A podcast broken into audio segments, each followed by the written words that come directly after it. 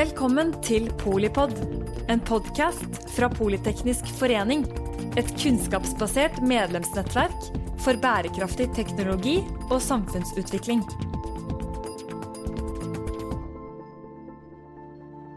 Siden styringsrenta ble satt til null i 2020, har renta gradvis gått oppover. Vi har hatt enorm prisvekst, og i går ble renta hevet med 0,25 prosentpoeng. I dag er styringsrenta da på 2,5 Boligprisene fra Eiendom Norge ble presentert med en nedgang på 0,8% i oktober, eller 1,9% ned i løpende priser. Vi har med Terje Strøm. Han er styremedlem i PF Samfunnsøkonomi og sjeføkonom og grunnlegger av Ny Analyse. Hva tenker du om eh, de viktige nyhetene som kom eh, denne uka her, Terje? Veldig, veldig viktige nyheter. Uh, hyggelig å være her. Det var jo ventet at uh, renten skulle gå opp uh, med enten 0,25 eller 0,5 prosentpoeng.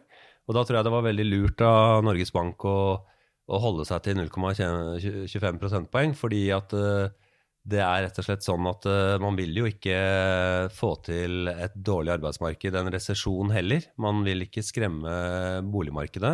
Og den andre nyheten gikk jo på det at Eh, boligprisene går nedover nå, litt, men fra et veldig høyt nivå. Og vi må også huske at det, boligprisene har jo steget i eh, så å si 30 år sammenhengende. Så selv om det gikk ned en periode under finanskrisen, så gikk det tre år, og så var det tilbake på det samme. Og det virker som at boligmarkedet er ganske sånn eh, stabilt oppover.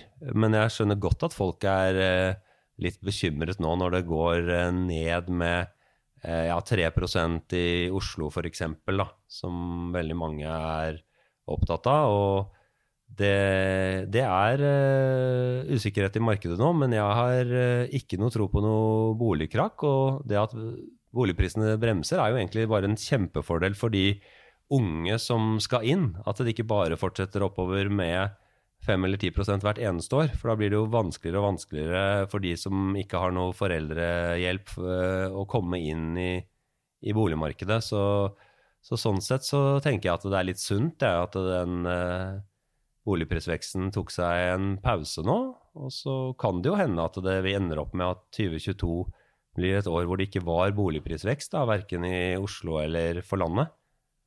Men eh, det er jo ikke noe katastrofe. Eh, du kan jo ikke regne med at det alltid går oppover, enten du er i et aksjemarked eller eh, i et boligmarked. Og de fleste har jo en bolig også for å bo der, og ikke for å tjene penger på det. Så det er egentlig litt sånn, sånn at uh, jeg har ikke noe tro på noe boligkrakk i, det norske boligmarkedet selv nå, når det er såpass usikkert. Hvordan er det mulig at det norske boligmarkedet nesten alltid har gått oppover? Nei, Det er en litt sammensatt, eh, litt sånn kompleks problemstilling. Men siden vi skal være litt sånn og forenkle og forklare for ikke-økonomer i denne podkasten, så tenker jeg litt at eh, du har noen ting rundt det jeg nevnte i sted med familiebanken, som er kjempeviktig. Og litt undervurdert, og som ikke kommer fram i på en måte offentlige data. At de som har lånt veldig mye, de har jo ikke bare lånt på vegne av seg selv og sin inntekt og sine fremtidsutsikter. De har jo lånt også basert på at de vet at uh, de har foreldre eller besteforeldre som kan hjelpe hvis de mister jobben, eller allerede hjelper ved å være kausjonist, uh, som veldig mange får hjelp med, eller til og med gi noe forskudd på arv. Og det er den ene tingen som jeg tror gjør at boligmarkedet står seg gjennom en del kriser. Eh, det andre som er veldig annerledes enn på 90-tallet, er at eh, når det er dårlige tider og arbeidsmarkedet blir dårlig, så uh, setter man renten ned. Så det er på en måte det normale, og da får du jo lavere boliglånsutgifter. Mens uh, akkurat på starten av 90-tallet, da det var ordentlig bankkrise, så uh, var det jo sånn at man måtte øke rentene for å forsvare norske kronen mot eky, som var det forløperen til euro. Så det er to momenter. Og så er det jo selvfølgelig dette med at status å eie eget i Norge er helt ekstremt uh, stort. Det er mm. liksom det, det, beste man kan gjøre, er at man eier noe. Og i tillegg så eier jo da fete 50-åringer en hytte eller to i tillegg. Så det er veldig spesielt uh, i forhold til Sverige f.eks., hvor folk er helt happy med å leie i, i Stockholm uh, f.eks. da. Eh, Så er det noen andre ting også. Det går jo litt på det at tilsynet er mye bedre med bankene enn det var på 90-tallet, heldigvis. Og da føles det riktig å komme inn på det med Finanstilsynet, fordi jeg har jo tidligere sagt at de ser spøkelser på høylys dag. og det er noen som er eksamen på Blindern på økonomistudiet som eh, jobber der. Og de gjør jo faktisk bare jobben sin. Det er jo Deres jobb er jo å være bekymret. For de skal jo tenke at eh, hvis det går galt, så skal vi i hvert fall vi ha advart. Og hvis eh, husholdningen tar opp veldig mye gjeld, så er det riktig å si fra, fordi at det vil alltid være noen som kommer i problemer. Men mitt poeng er jo dette at eh, med familiebanken, med fleksible banker som gir avdragsfrihet, med 12 000 milliarder pluss på pensjonsfondet, som jo brukes på velferd eh, og ikke bare på pensjoner i fremtiden, og gratis høyere utdanning, sykefravær blir betalt med sykelønn et helt år. Alle disse tingene gjør at Norge da er jevnt over annerledes enn eh, i USA og England og veldig mange andre steder. At eh, jeg ikke tror det krasjer, da. Mm. Så, så det er liksom litt eh, Og den andre biten går jo litt på det at eh, det er faktisk for stort til å kunne krasje. Så hvis Ja. dere husker finanskrisen, så var det litt sånn at bankene under finanskrisen de fikk ikke lov til å gå konkurs, for ringvirkningene ble bli sånn negative for verdensøkonomien at eh, det kan Ingen det ikke la som vil la det skje, Ja, rett og slett. nettopp. Mm. Og da blir det litt sånn på Når det er så stor gjeld hos husholdningene, og boligmarkedet har gått så vidt høyt, så er det faktisk også politikken, eh, som jeg kanskje ikke nevnte, altså motkonjunkturpolitikk, da, når det er et dårlig arbeidsmarked, ting er vondt og vanskelig, så er jo politikerne i Norge og de nordiske landene veldig på for å hindre at arbeidsledigheten blir høy, og det er jo også en trygghet for folk som tar opp lån Mm. enn at uh, du har veldig mange som er usikre på jobbene sine i veldig konkurranseutsatte jobber. For i Norge så er det jo veldig ofte sånn at uh, folk kan få en jobb, sånn som du så under oljekrisen, uh, i kommunen eller offentlig sektor istedenfor å betale og få lønn på en million i oljesektoren. Så fikk du bare 700 000 i kommunen. Mm. Men det er ikke en skandale for en familieøkonomi nødvendigvis. Eh, Så, så der er det noe som er uh, forskjellig, da. Så, det, så jeg tenker at disse tingene da underbygger at ikke jeg tror på det boligkrakket som, som ganske mange tror på, og som du av og til lurer på om de egentlig ønsker seg. Og det Mm. er eh, Da er det noen som på Twitter som blir veldig overrasket når jeg sier ja, hvordan kan du mene at media eller uh, folk innenfor uh, akademikersfæren uh, ønsker at boligmarkedet skal krasje?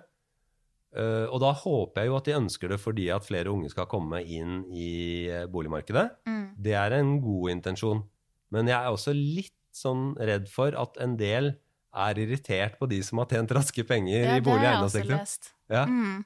Fordi At de prøver å bremse den generelle utviklingen. For Ja. at man ikke skal uh, flippe boliger, da, Ja. At nettopp det. det. At det er gutta og boys innenfor håndverkerbransjen som Mm. kan fikse opp en leilighet selv, og de bor der i eh, ett år, og så går, tar de med seg gevinsten og Mm. går videre. Ja. Og så holder de på på den måten. Det samme med de som eier flere boliger, selvfølgelig. Selv om man har strammet inn på skattebitene rundt sekundærbolig, så, så har det vært lukrativt, selvfølgelig, når det i Oslo stiger med jeg tror det var 20 omtrent jeg, i 2016, et helt sånt ekstremt år, Ja. boligprisene. Og da ikke sant, Det å kjøpe og selge boliger da, og ha de og leie ut, det lønner seg mye mer enn å investere i bedrifter som gir mer arbeidsplasser, og da, da blir jo det litt uh, feil. Så Mm.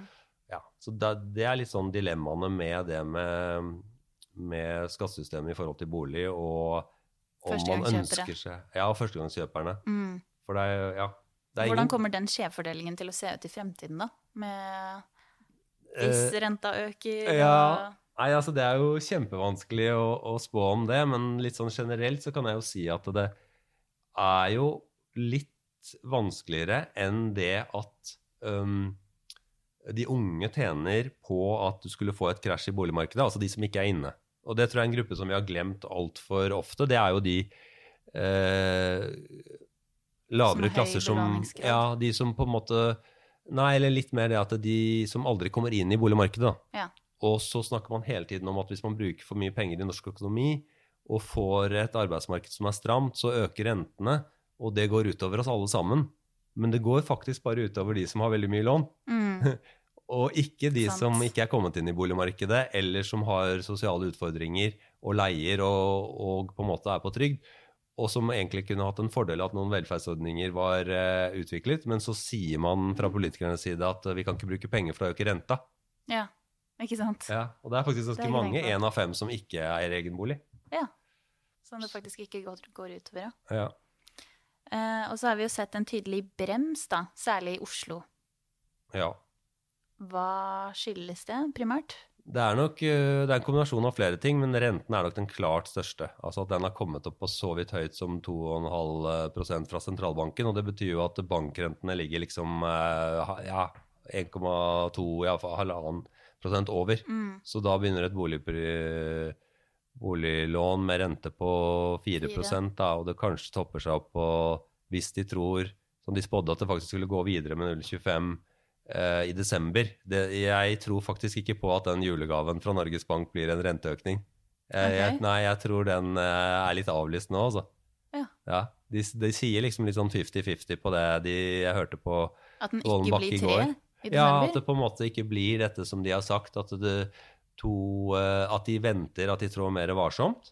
Mm. Og at det, fordi de må jo se hva de renteøkningene gjør. Og Mm. de har jo allerede i dag gjort ganske mye med de tallene som kom i dag, en time etter publiseringen av renteøkningen. Mm. Så kom det dette med at det nominelt ned 3% for Oslo bare i oktober. Mm. Og da er det jo litt sånn at eh, da begynner kanskje den effekten sammen med matvarepriser som øker, drivstoffpriser, strømpriser, selv om det er veldig ræv strømstøtte, så er det ikke sant. Den effekten er veldig sterk allerede. ja, Mm. og bare at den kommer på en måte eh, i løpet av de neste to månedene, og hvorfor da ta sjansen på å trå til med en renteøkning til Mm. som en negativ julegave til den norske befolkningen, den er jeg litt usikker på, altså. Mm. Jeg er enig i det. Ja, så det er, men det med Oslo er jo selvfølgelig det som alle snakker om, er jo at det ikke bygges nok, og ikke er nok arealer som bygges. Det er ikke mitt spesialområde, men det er renten som er det på utryggheten. Jeg har vært på noen visninger i, i Oslo selv også, og det, liksom det,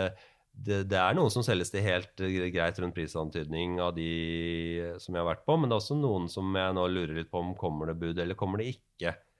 Og det er jo en sånn utrygg situasjon, og det er sikkert flere som har fått liksom råd om å vente og se, da.